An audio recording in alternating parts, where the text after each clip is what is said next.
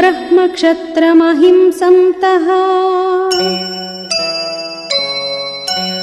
ते। समपूरयन् सुतीक्ष्णदण्डात् सम्प्रेक्ष्य। पुरुषस्य बलाबलम्।